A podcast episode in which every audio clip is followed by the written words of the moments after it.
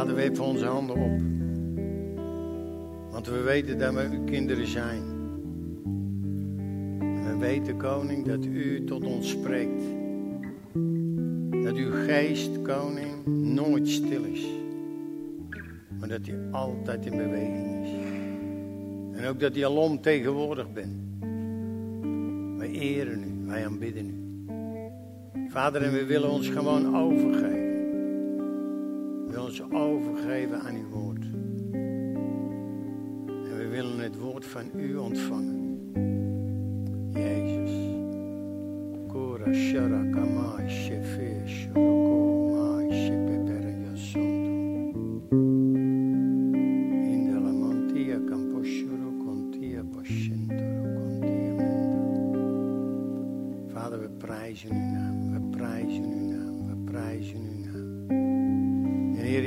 Wil tegen u zeggen dat wij u herkennen zoals u het gedaan hebt. U hebt het allemaal voor ons volbracht. U bent de dood ingegaan in plaats van ons. En daardoor heeft de Vader zich kunnen verzoenen. Wij eren u daarvoor. Ik wil u de hoogste plaats geven in ons leven. Jezus' naam. En iedereen zegt erop. Amen. Halleluja. Halleluja. U mag gaan zitten. Een klein beetje verder met datgene waar ik eh, mee bezig was. Het gaat over het koninkrijk van God.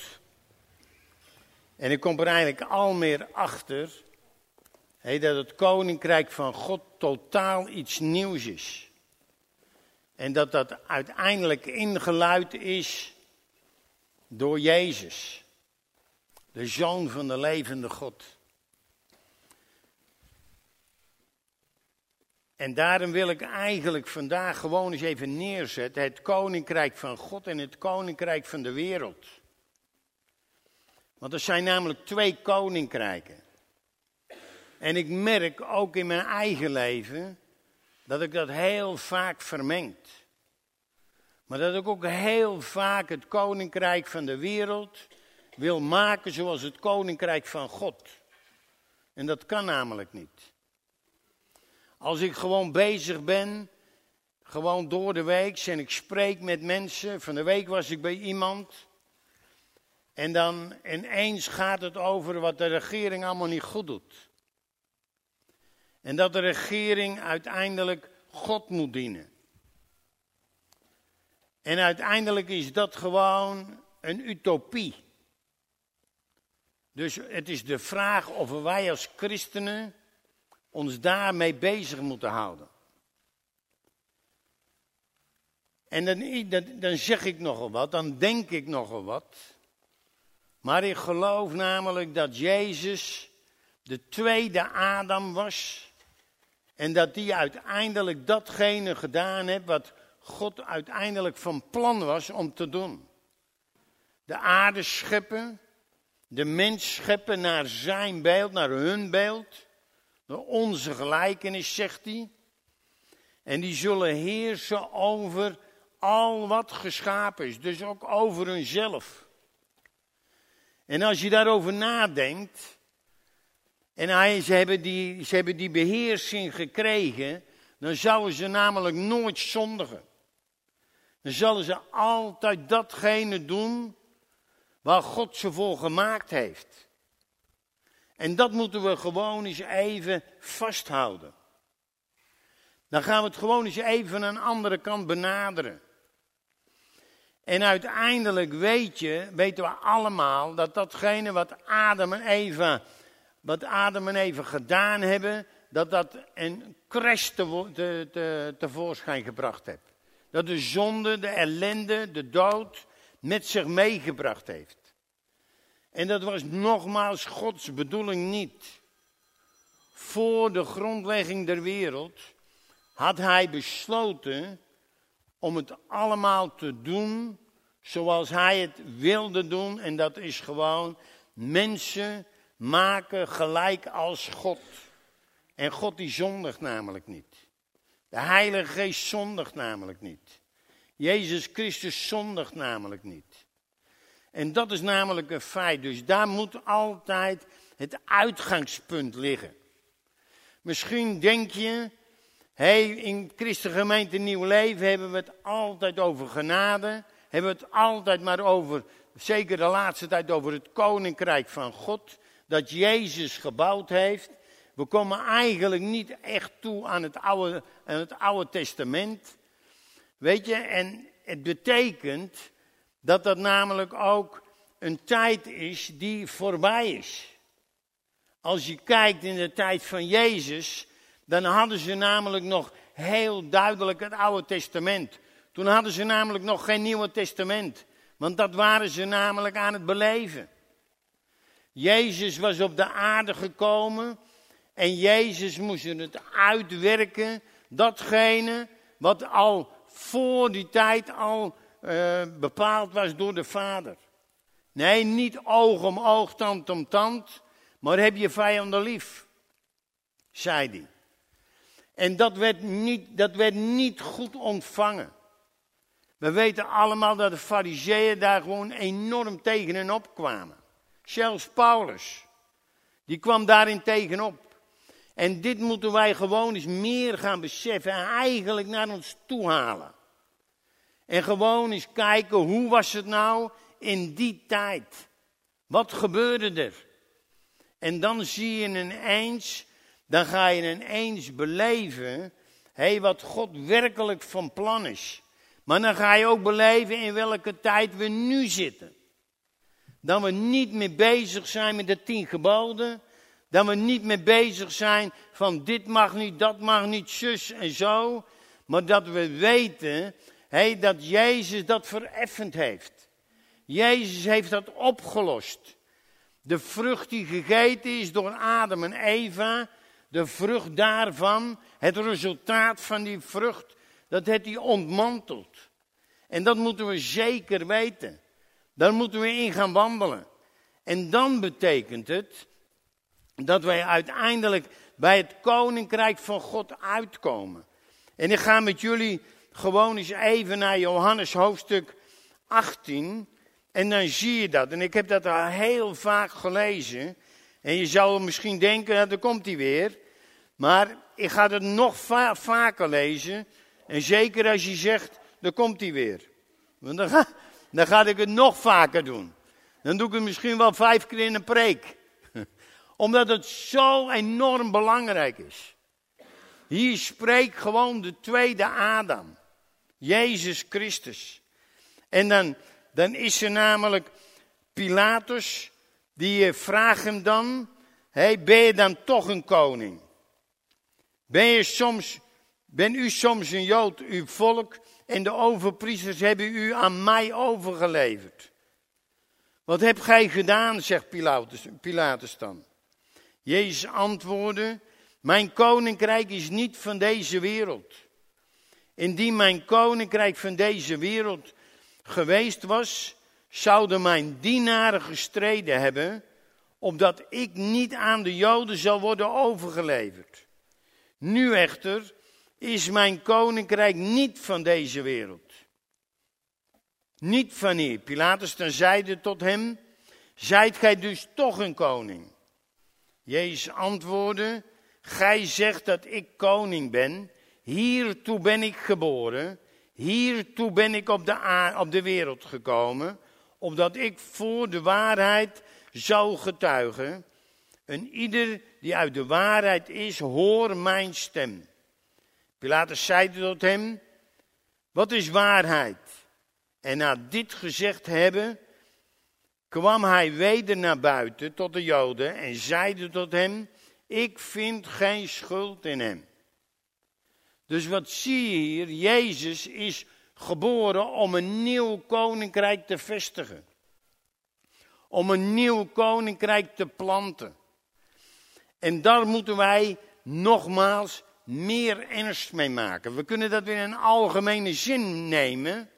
En dat wordt ook eigenlijk in een algemene zin wordt dat, wordt dat bedacht. Ja, Jezus heeft een nieuw koninkrijk gevestigd. Hij onze zonde is die voor gestorven. Maar wat is daar de uitwerking voor mij vandaag? Dus wij kunnen dat als wetenschap pakken, maar hebben wij het ook, en ik heb het tegen mezelf, hebben wij het ook, gaan wij het ook uitwerken? Weten we ook dat we in dat koninkrijk zijn?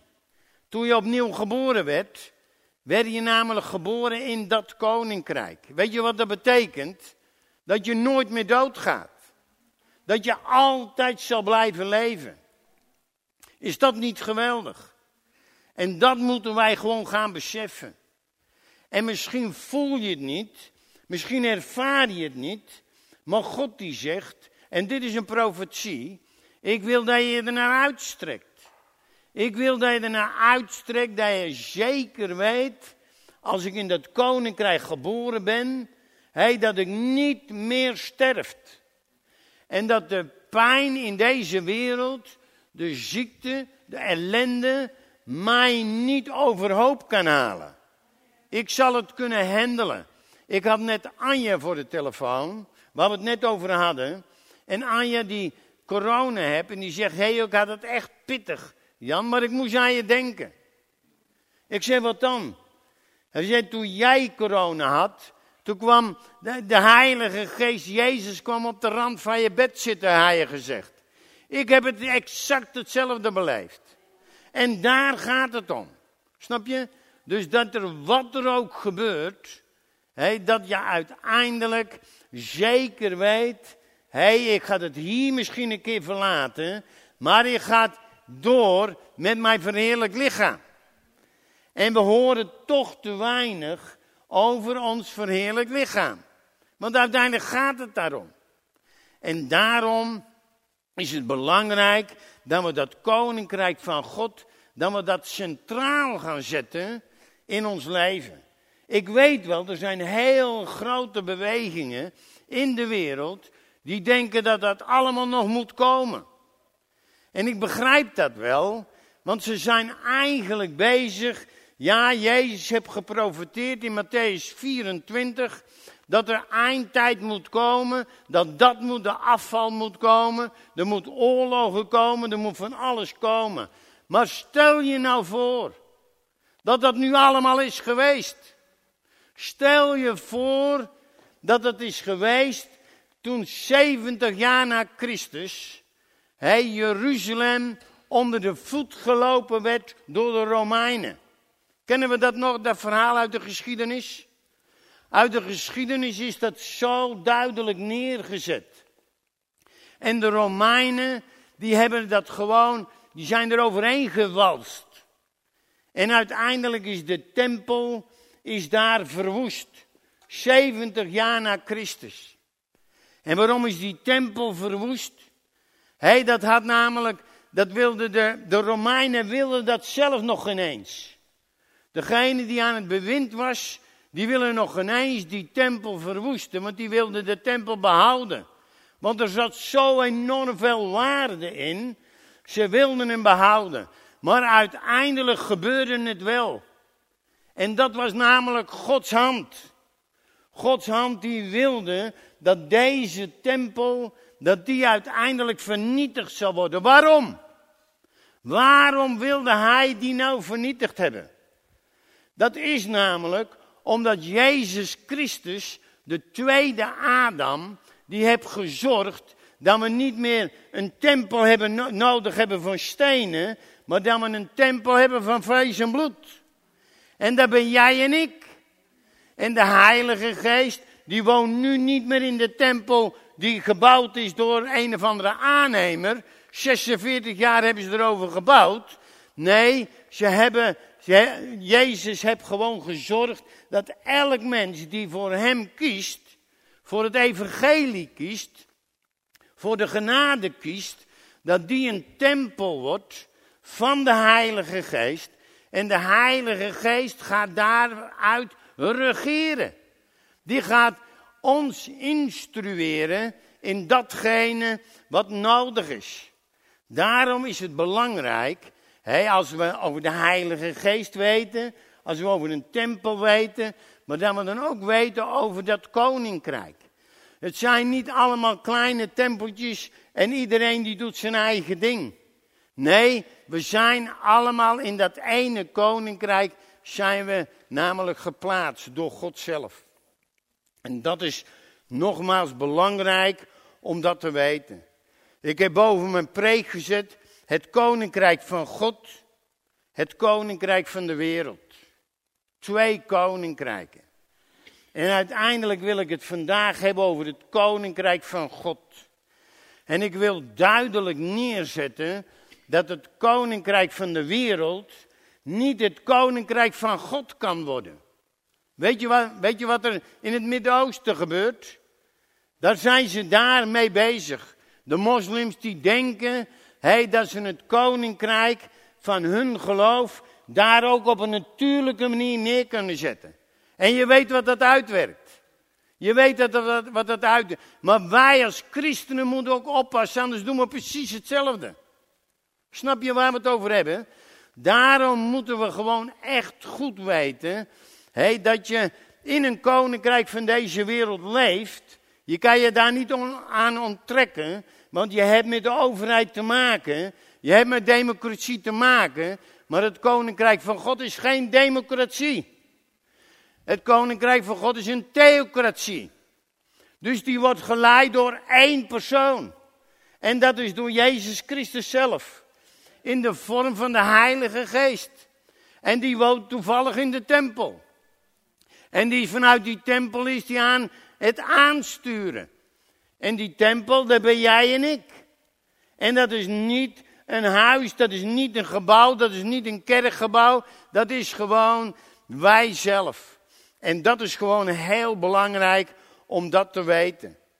En daarom zegt hij, en ik ga dat even lezen in 1 Korinthe 6, vers 19. Of weet gij niet dat uw lichaam een tempel is van de Heilige Geest, die in u woont, die gij van God ontvangen heeft, en dat gij niet van uzelf zijt, want gij zijt gekocht en betaald.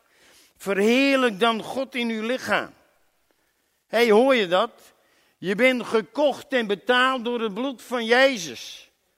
Het is namelijk rechtstreeks vanuit de hemel betaald en jij bent gewoon zijn eigendom.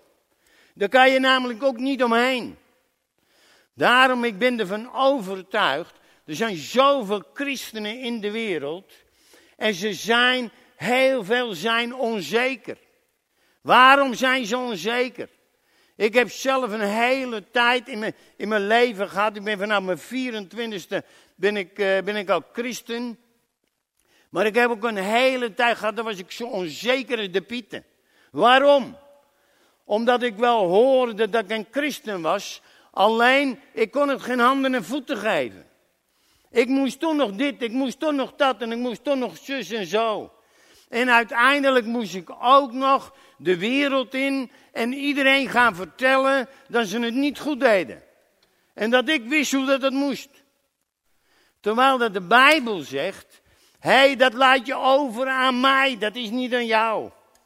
En dat, gaat, dat laat je ook over aan mij, want ik heb mijn koninkrijk gevestigd. En dat koninkrijk van de wereld, waar, eerst, waar de eerste Adam de, de maker van is, hey, die ga ik niet veranderen.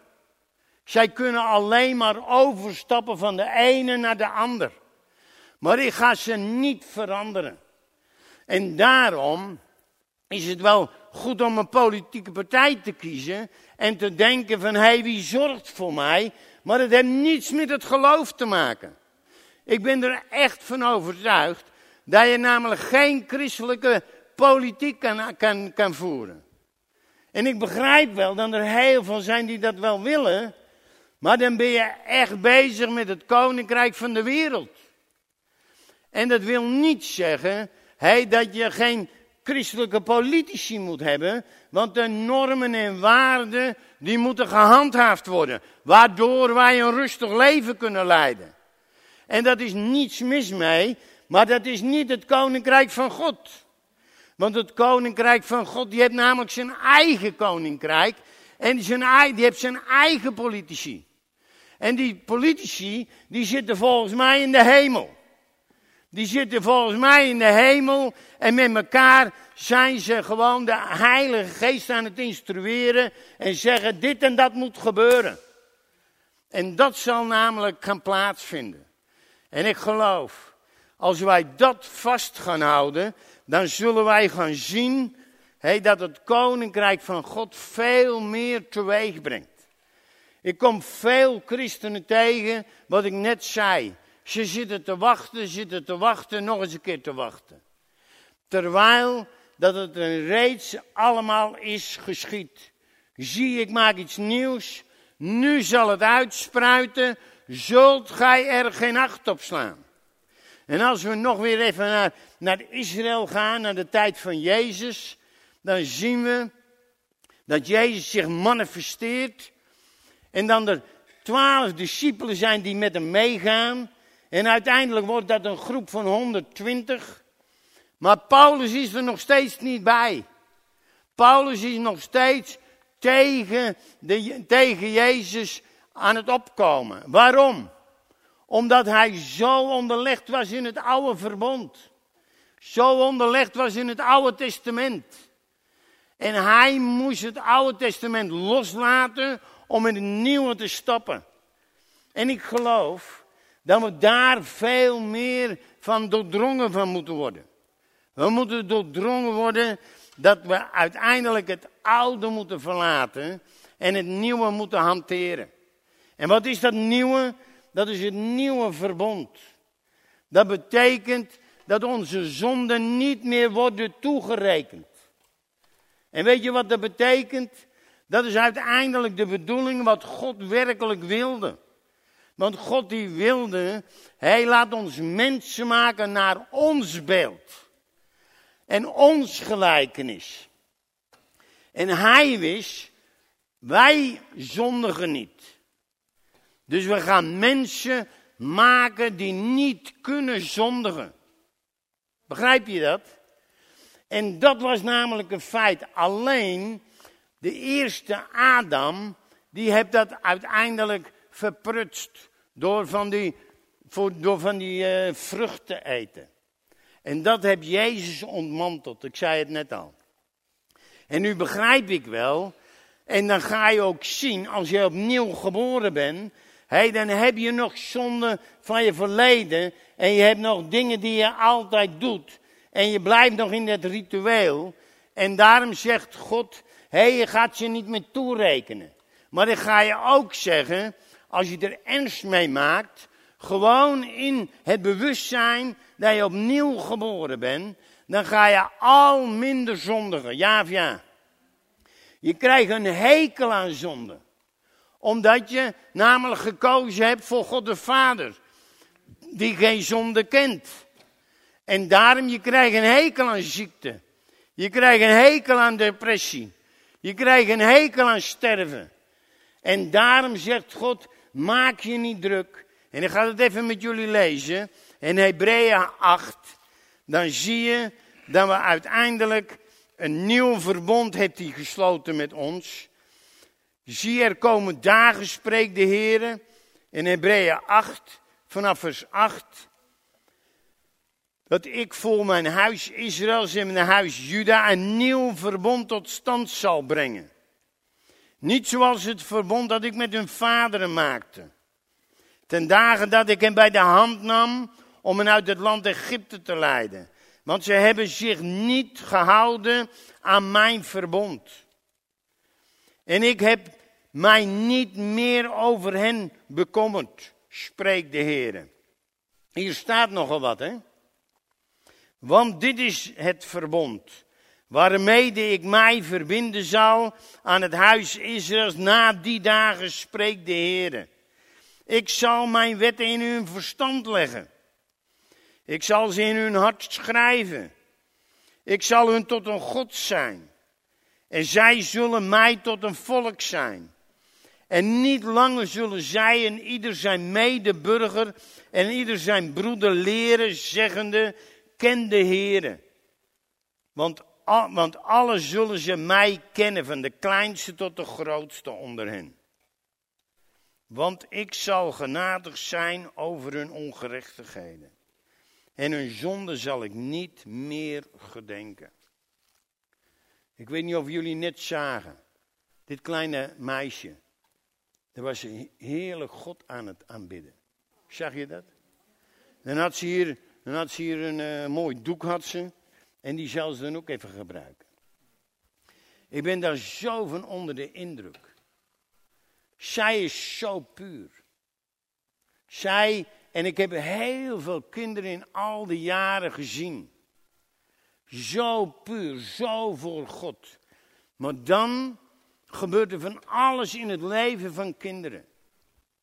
En daar zijn wij verantwoordelijk voor. Hoor je wat ik zeg? Omdat wij de zonde uiteindelijk een plaats geven, ook in de kerk. Terwijl dan wij moeten gaan beseffen, als je opnieuw geboren bent, dan is er geen plaats meer voor zonde. Dat betekent niet dat je ze niet meer mag doen. Nee, ze worden niet toegerekend. Snap je? En ik denk echt dat als wij kleine kinderen hebben en die gaan wij opvoeden, dat ze dit niet mogen, dat niet mogen, zus niet mogen en dat niet mogen. Hé, dan zijn we ze zelf aan het opvoeden om te leven in de wereld. En niet te leven in het koninkrijk van God. Zeg ik nu iets raars? Ik wil dat je erover nadenkt. Ik wil dat je, je hoeft het wat mij betreft niet meer mee eens te zijn. Maar ik wil wel dat je erover nadenkt, wat gebeurt er nou eigenlijk? Waarom heb Jezus, waarom heb hij zijn leven gegeven? Waarom is hij de dood ingegaan? En waarom heeft hij, toen hij in, in het graf was, is hij uiteindelijk naar het dodenrijk gegaan? 1 Petrus geeft dat aan. En dan heeft hij gepredikt dat het evangelie een feit is. En al degenen in het oude, oude verbond, in het oude testament, die daar geleefd hebben, die hebben daar het evangelie van Jezus zelf gehoord. En ze hebben daar kunnen kiezen. Jij gaat met je mee. Jij gaat met je mee. En uiteindelijk is daar de gemeente ontstaan. Toen Jezus in de dood was. En toen hij opstond uit de dood, konden al de mensen die toen nog leefden, die konden uiteindelijk achter hem aan. En konden zij kiezen om dit koninkrijk binnen te wandelen. Maar wij moeten nogmaals beseffen dat dit koninkrijk werkelijk hout snijdt. En dat het daarom gaat. Eigenlijk is het evangelie is het nieuwe koninkrijk. Het evangelie is het koninkrijk van genade. Het koninkrijk van onverdiende gunst. Het hele oude verbond zat vol. Ja, als je dit doet, dan krijg je dat. Kijk maar eens naar Deuteronomium 28. Kijk maar naar Exodus 19. Waar, waar God tegen Mozes zegt: Hé, hey, als het volk dat en dat en dat doet, dan zal ik ze gaan zegenen. En het volk zegt, ja, dat gaan we doen. Maar weet je wat er gebeurde? Drie hoofdstukken verder hadden ze een gouden kalf gemaakt. En, en kan je ze daarop afrekenen? Nee, daar kan je ze niet op afrekenen. Hé, zij konden niet anders. Zij konden de wet niet houden. Omdat ze besmet waren met de vrucht die geplukt was door de, door de eerste Adam. En nogmaals, dat moeten we gaan beseffen. En jij bent een deel van de tweede Adam. En de tweede Adam, daar is namelijk de, de vrucht, is namelijk geen feit meer. Het is nogmaals ontmanteld. En, en ik ben er zo van overtuigd. Ook de machten van duisternis zijn ontmanteld. Hij gaat er niet meer mee aan de gang. Maar ze gaan wel rond als een brullende leeuw. En ze zijn namelijk in het christendom, binnen het christendom, zijn ze namelijk iets aan teweeg aan het brengen, hey, waar je gewoon bang van wordt. Als wij met z'n allen zeggen, ja dat koninkrijk moet allemaal nog komen, hé, hey, de Satan die wil niets liever. Die wil nog wel tienduizend jaar zo verder. Die wil nog wel tienduizend jaar zo verder. En die wil jou en mij nog wel steeds eh, in, de, in de gedachten laten van hé, het moet allemaal nog gebeuren. Ik was van de week bij iemand en die zei, die was 80 jaar geworden. En die zei tegen me, ik was er nog maar vijf minuten. Ik zeg, hé, hey, hoe gaat het met je? Je ziet er goed uit. Hij zei, ja, het gaat goed en binnen tien jaar komt Jezus weer.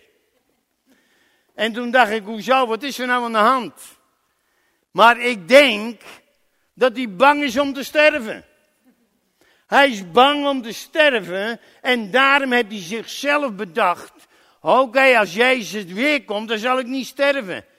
Terwijl dat ik later heb uitgelegd, toen jij opnieuw geboren werd, hey, toen was het einde. Vanaf die tijd zal je nooit meer sterven. En daarom, Jezus is teruggekomen toen hij in jouw leven kwam. Toen jij een tempel werd. En die tempel moet niet weer gebouwd worden. Nee, die tempel is een feit, want dat ben jij en ik. En we hebben van, van Sander we gehoord dat er op dit moment al 2,3 miljard, 2,5 miljard christenen wereldwijd. Wat denk je hoe sterke tempel dan we dan hebben? En als hij aan het regeren is vanuit die tempel, dan, dan gaat de wereld gaan weten hey, dat de koning der koningen koning is. En dat niemand dat tegen kan houden. En dat is namelijk een feit. En als wij dat gaan beseffen, dan zullen wij namelijk weten hey, dat, het, dat het, het einde er snel zal zijn. En wat bedoel ik dan het einde? Hey, dan zal de volmaaktheid er zijn. Dan zal er namelijk, de zonde zal zich namelijk niet meer manifesteren. Dan zal er geen oorlogen meer zijn, want elke knie zal zich buigen. Elke tong zal zich beleiden dat Jezus Christus is Heer. En dat het koninkrijk gestalte krijgt in ons midden.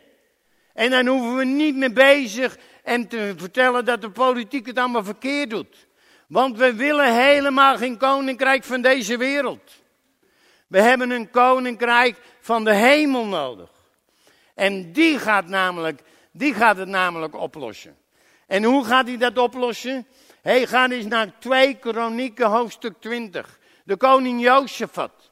We hebben dit al eens eerder gelezen. Ik zou gewoon eens willen dat je, gaat het nu niet lezen, want het is een groot hoofdstuk, maar gaat het van de week eens lezen. En dan zie je dat koning Jozefat is, is koning over Israël. En dan komen de drie koninkrijken, drie legers, die komen op hem af. Die zijn veel groter dan zijn leger. En hij krijgt het benauwd. En hij denkt, wat moet ik nu? En toen ging hij het principe vasthouden. Hé, maar ik hoor tot een ander koninkrijk. Want ik ben namelijk van Israël. En Israël is Gods volk. En dat was een verafschaduwing voor hetgeen wat moest komen. En dan zegt hij tegen het hele volk: Ik wil dat je mijn vader, dat je de God gaat aanbidden. En dan begint hij God te aanbidden. En dan komt er gewoon een enorme verwarring in de tegenstander. En die begrijpen er niets van, want ze zijn allemaal God aan het groot maken. Ze zijn niet het leger aan het klaarmaken, nee, ze zijn God aan het groot maken. En ineens denkt de vijand, hé, hey, maar hier zit iets anders achter. En ze krijgen het Spaans benauwd. En ze krijgen onmin onder elkaar. En ze krijgen menig verschillen onder elkaar. En dan staat er dat ze elkaar om zeep helpen. En dat er uiteindelijk alleen het volk Israël overblijft. En dat al de buit van deze drie legers, dat die hun toebehoort. Dan, dan lees je aan het eind, gaan ze gewoon overal langs en ze gaan al, al het goud, al het zilver, al het waar halen ze op. En ze hebben de overwinning behaald. En dat is namelijk een voorbeeld van het nieuwe koninkrijk. Jij bent Israël. Jij bent het koninkrijk van God. Jij bent degene die uiteindelijk de overwinning heeft behaald omdat Jezus jouw papa is. Omdat de Christus jouw papa is. Amen. En daarom is het gewoon goed om dit te weten. Nou, vorige week hebben we het er ook namelijk even over gehad. Jezus gaf dat ook als voorbeeld. Hij, hij, hij, hij ging de, de discipelen uit, uh, uit. Hij ging de discipelen uitwijzen, nee, uitzenden. En dan gaf hij ze macht over alle ziekten, over alle kwaal. Nou, die macht die heb jij gekregen door de Heilige Geest. Dus op dat moment gaf Jezus de Heilige Geest aan de discipelen. En ze gingen langs en dan moet je eens kijken wat dan ze gingen doen. Zij gingen niet naar de politiek. Zij gingen gewoon naar de mensen, naar de dorpen. En dan gingen ze de vrede meedelen. En als die vrede opgepikt werd, dan bleven ze daar en dan gingen ze het over die vrede hebben. Hadden ze, niet, hadden ze geen zin in die vrede, staat er, maak je niet druk, want de vrede komt naar jou terug. Jij wandelt weer weg, doet het stof van je voeten en ga naar een volgende dorp. Is dat vredig of is dat niet vredig? Dat is namelijk hetgeen wat God namelijk wil. Jezus die deed hier gewoon een voorbeeld. Dus dat geldt voor jou, voor mij. We hebben die macht gekregen. En wij gaan gewoon naar ons werk. We gaan gewoon naar, ons, uh, naar, naar vakantie. We gaan dit En wij gaan gewoon openstaan. Hé, hey, wat gaat die Heilige Geest jou aangeven? En dan ga je zeggen, als je daar eens op gaat letten. Hé, hey, dan ben je elke dag ben je bezig voor zijn koninkrijk. Als je daar niet op let, heb je daar geen erg in. Maar ik ben er eigenlijk van overtuigd, als jij zo in je verheerlijk lichaam bent en je bent in de hemel, dan zie jij mensen daar en die komen naar jou toe en die zeggen, weet je waarom dat ik in het verheerlijk lichaam ben? Hé, hey, ik heb toen en toen die en die datum, heb jij iets gezegd en toen wist ik het zeker. Ik heb Jezus nodig. En dan bedenk je, oh, maar ik heb helemaal niet gepredikt. Ik heb helemaal niet gezegd wat ze fout gedaan hebben. Nee, maar daar gaat het juist om. Ze willen, uiteindelijk wil God gewoon dat iedereen aangeraakt wordt door hemzelf. Amen. Dat is namelijk, als ik weet hoe dat ik tot geloof gekomen ben. Ik was echt een, ik was echt excentriek. Zeg je dat? Zeg je dat goed? Nee, ik was niet extreem. Nee, maar ik. Hoe? Een excentriek figuur was ik. Ik was er gewoon nooit mee eens. Ik wilde het gewoon niet wat ze allemaal mij vertelden. Totdat uiteindelijk God mij gewoon persoonlijk aanspreekte. Aansprak. En toen dacht ik, wauw. Maar dit, houdt, dit snijdt hout. Hier kan ik wat mee. Hier voel ik me vrij. En daarom hey, gaat het niet van andere mensen verwachten. Gaat het verwachten van de Heilige Geest. Ik wil met jullie, en dan ga ik het ook een slot aan breien. Ik wil met jullie naar 1 Korinthe, hoofdstuk 2. En dan wil ik lezen vanaf vers 6.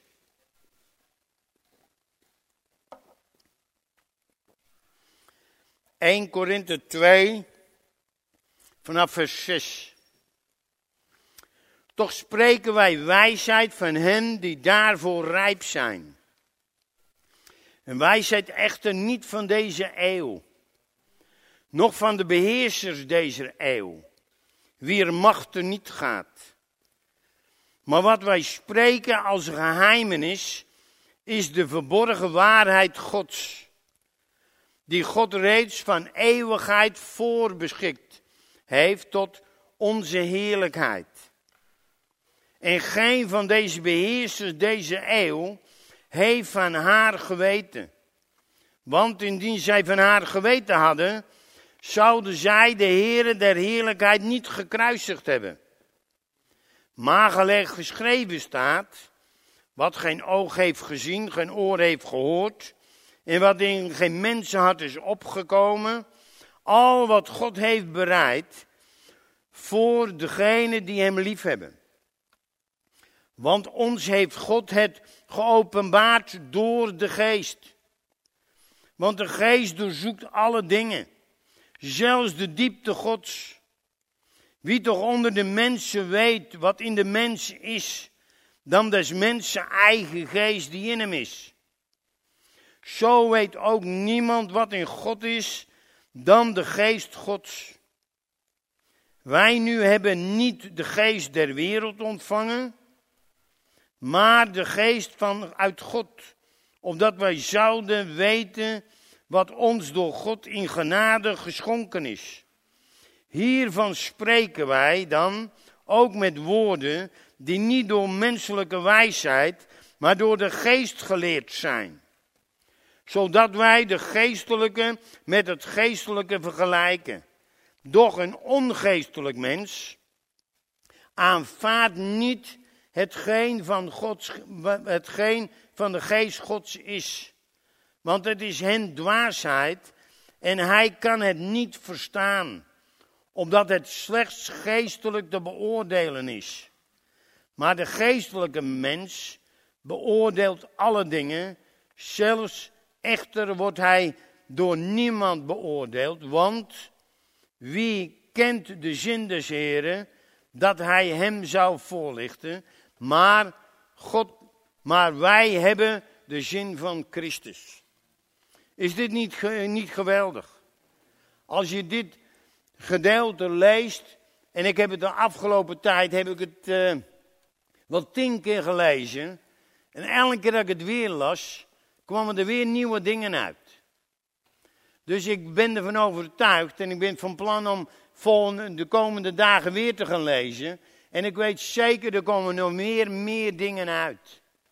Want dit is, dit is namelijk iets waar wij gewoon heel veel waarheden uit kunnen halen. Dan staat er bijvoorbeeld, hij is voor de eeuwigheid voorbeschikt tot zijn heerlijkheid, tot onze heerlijkheid. Vers 7. Maar wat zijn spreken als een geheimenis is de verborgen wijsheid Gods, die Gods reeds van eeuwigheid voortbeschikt heeft tot onze heerlijkheid. Niet tot zijn heerlijkheid, tot onze heerlijkheid. Hey, en daar moet je gewoon je eigen naam voor zetten. Dus hij wil dat jij een heerlijk leven leidt. Tot in eeuwigheid. En dan ga je zeggen, hey, dat is namelijk mogelijk als wij het koninkrijk van God serieus nemen. Als wij Jezus Christus, wat hij gedaan heeft, serieus nemen. Daarom is het, is het echt belangrijk om, om gewoon te weten, hey, hij is de tweede Adam. En misschien hoor je mij dat regelmatig zeggen. En dan denk je, oké, leuk bedacht. Maar het is namelijk een realiteit. Daar is namelijk het evangelie begonnen. En het gaat namelijk over het evangelie. Jezus, die, heeft namelijk, moest namelijk de eerste Adam overtroeven. En we weten allemaal, de eerste Adam, die is verzocht door Satan, door Lucifer. En hij heeft van die vrucht gepakt. Maar de tweede Adam, Jezus, is ook verzocht in Lucas 4. En hij heeft stand gehouden. Notabene, hij kwam op de aarde om een koninkrijk te bouwen. Weten we nog, we hebben het net gelezen. Uit, uit Johannes hoofdstuk 18, vers 36. Daar is die, die opdracht had hij van de vader meegekregen.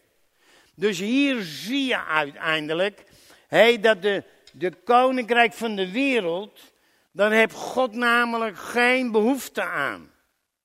Want anders had Jezus op dat moment hierop ingegaan en hij had het koninkrijk weer teruggekregen. Ja of ja?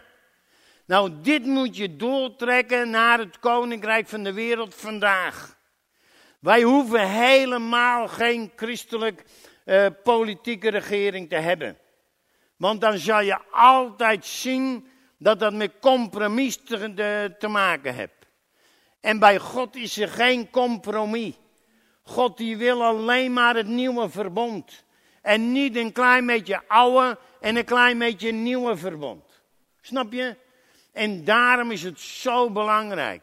Hey, dat wij ook weten dat die wijsheid dat Gods wijsheid, dat dat de ware wijsheid is.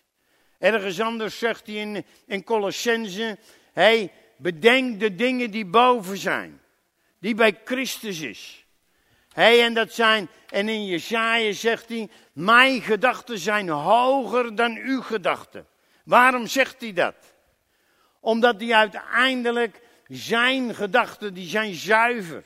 Maar jouw gedachten, hey, die zijn besmet met de, aarde. Daarom heeft hij ook gezegd, hey, je ga je de zonde niet meer toerekenen. Want je kan niet leven zonder zonde. Want als je gewoon wandelt, hey, dan komen er dingen langs en dan denk je later, oh dat had ik niet moeten doen.